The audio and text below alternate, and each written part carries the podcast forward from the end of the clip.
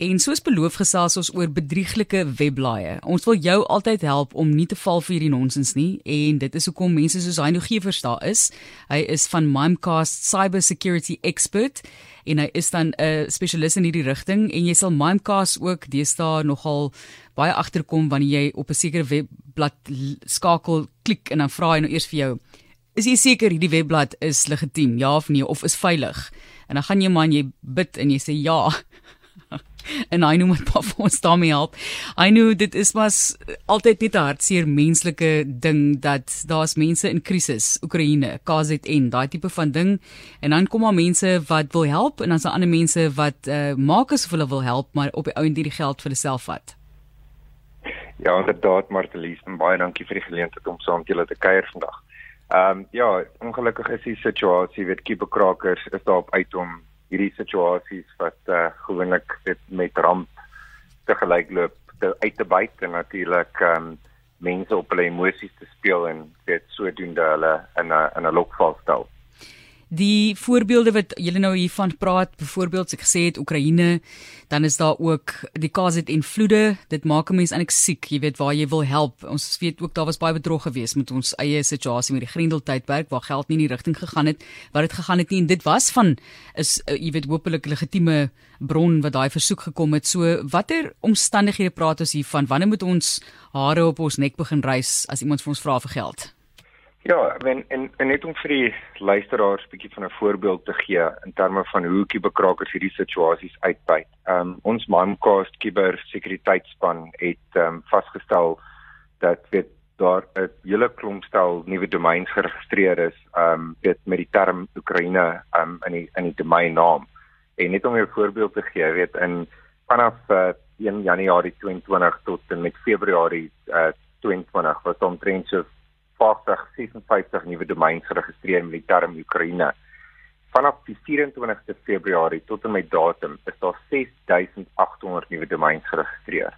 En dit gee net almal 'n idee van hoe weet kiberkrakers daar buite hierdie geleenthede gebruik om mense uit te byt. Vaderland. Nou tot jou oorspronklike vraag, jy weet die ongelukkig weet ons mense het um, goeie intensies en Wat baie interessant is, as ons kyk na wat Suid-Afrika spesifiek in die ekonomie binne Suid-Afrika en in die Mimecast, wat ons noem die Mimecast Brand Trust Report of die handelsmerk vertroue verslag, het ons gevind dat 69% van Suid-Afrikaanse organisasies het genoem dat hulle verbruikers glad nie eers huiwer um, om 'n e-pos oop te maak as dit van 'n handelsmerk af kom wat hulle gereeld mee dien of, of ken.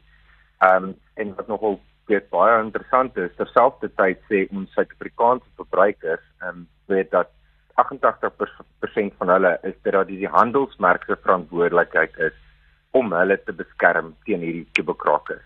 Nou tot jou oorspronklike punt weet enige goed uh, goedwildigheid of wel welstand uh, organisasie wat weet hierdie goed probeer doen om mense te help ongelukkig moet ook net 'n bietjie verder gaan en en die nodige tegnologie implementeer om natuurlik soos die verbruikers gesê het hulle ook te kan beskerm. Ehm um, dit ons kan dit op twee maniere doen basies. Jy kry eerstens wat ons noem DMARC. Ehm um, nou DMARC is basies net 'n is 'n is 'n tipe van 'n sekuriteitsmeganisme wat basies verseker dat as iemand vir jou 'n e-pos stuur, kom dit van die oorspronklike firma af. Dit kom nie van iemand wat die wat die domein naboots en natuurlik jou wil ehm um, dit is, is byvoorbeeld bedrog pleeg met jou ensovoorts nie.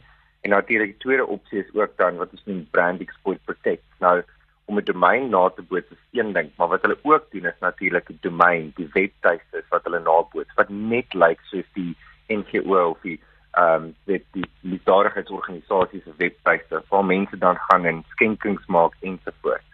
So die liefdadigheidsorganisasies moet die nodige stappe neem, nie net om hierdie stelsels op die been te bring waar mense kan geld skenk of weet kos en sulke goedjies skenk nie, maar natuurlik ook dat dit reg beskerm is. Um ons verbruikers van Suid-Afrika soort van 'n mate vereis dit. So groot jammerte dat jy dit moet doen, want daar's mense wat baie graag goeie werk wil doen. Maar nou, iewes skielik sê jy, hulle moet ook verantwoordelikheid neem en staan terug en sê, "Wel, ek gaan nou niks doen nie," want wat as ek dit verkeerd gedoen het? Jy weet, dit is daai tipe van dinge, vaardighede wat mense nie altyd het nie. Ja, absoluut. En en weet ek dink dit gaan gepaard maar soos ons in Suid-Afrika weet maar weet hoe kan ek sê soort van aanvaar dat sommige goed maar net deel is van die normale proses. Ehm uh, weet nou deesdae as jy huisbou sit jy weet sonpanele op met jy weet daar's load shedding byvoorbeeld. So ehm um, dit organisasies en NGO's wat hierdie tipe van inisiatiewe van die been afbring, dit moet nou maar standaard word van die proses. Ehm um, dit om seker te maak dat natuurlik die effektiwiteit wat hulle die mense nood kan bied, is ook afhanklik van hulle om daai geld te kan beskerm en seker te maak niemand gebruik dit ehm um, weet vir, vir ander doeleindes nie.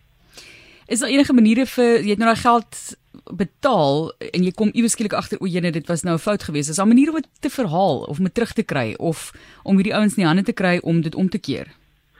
Ja, on, ek wens die antwoord was ja, maar ongelukkig teen die tyd wat jy besef jy op die verkeerde skakel geklik en uh, weet natuurlik geld gestuur is daai geld al seker deur 4 of 5 verskillende rekeninge wêreldwyd. Ja. So uh, dit is ongelukkig geen manier om dit terug te trek. Ehm um, weet dis hoekom ons maar altyd noem dit maak seker as jy nie doodseker is van die skakel nie, weet gaan eerder direk na die liefdadigheidsorganisasie se webtuiste toe en soek daardie skakel op hulle webtuiste. Ehm um, baie van hierdie liefdadigheidsorganisasies sal nie sommer 'n e-mail stuur of 'n e-pos stuur raak dan om vir te sê wie die as jy wil help met klik hier so en dan skenk nie. Ehm um, gaan eerder na die webtuiste toe en doen dit van daar af en dan ook die basiese beginsels weet wat ons altyd uh, vir mense vertel is as jy dalk uh, weet op 'n skakel wil klik en kyk na die skakel en die die domeinnaam van die organisasie dieselfde is en daar nie snaakse karakters is nie. So ons verbruikers kan maar hulle weet basiese prinsipe gebruik om ook te seker te maak hulle skenk die geld aan die regte organisasie. Maar as ek sê op die skaal wat dit gebeur, gaan dit nie kan keer totdat die organisasies wat hierdie liefdadigheids ehm um, inisiatiewe van die been afbring, die nodige stappe neem om hulle handelsmerk en natuurlik hulle webwerf te domein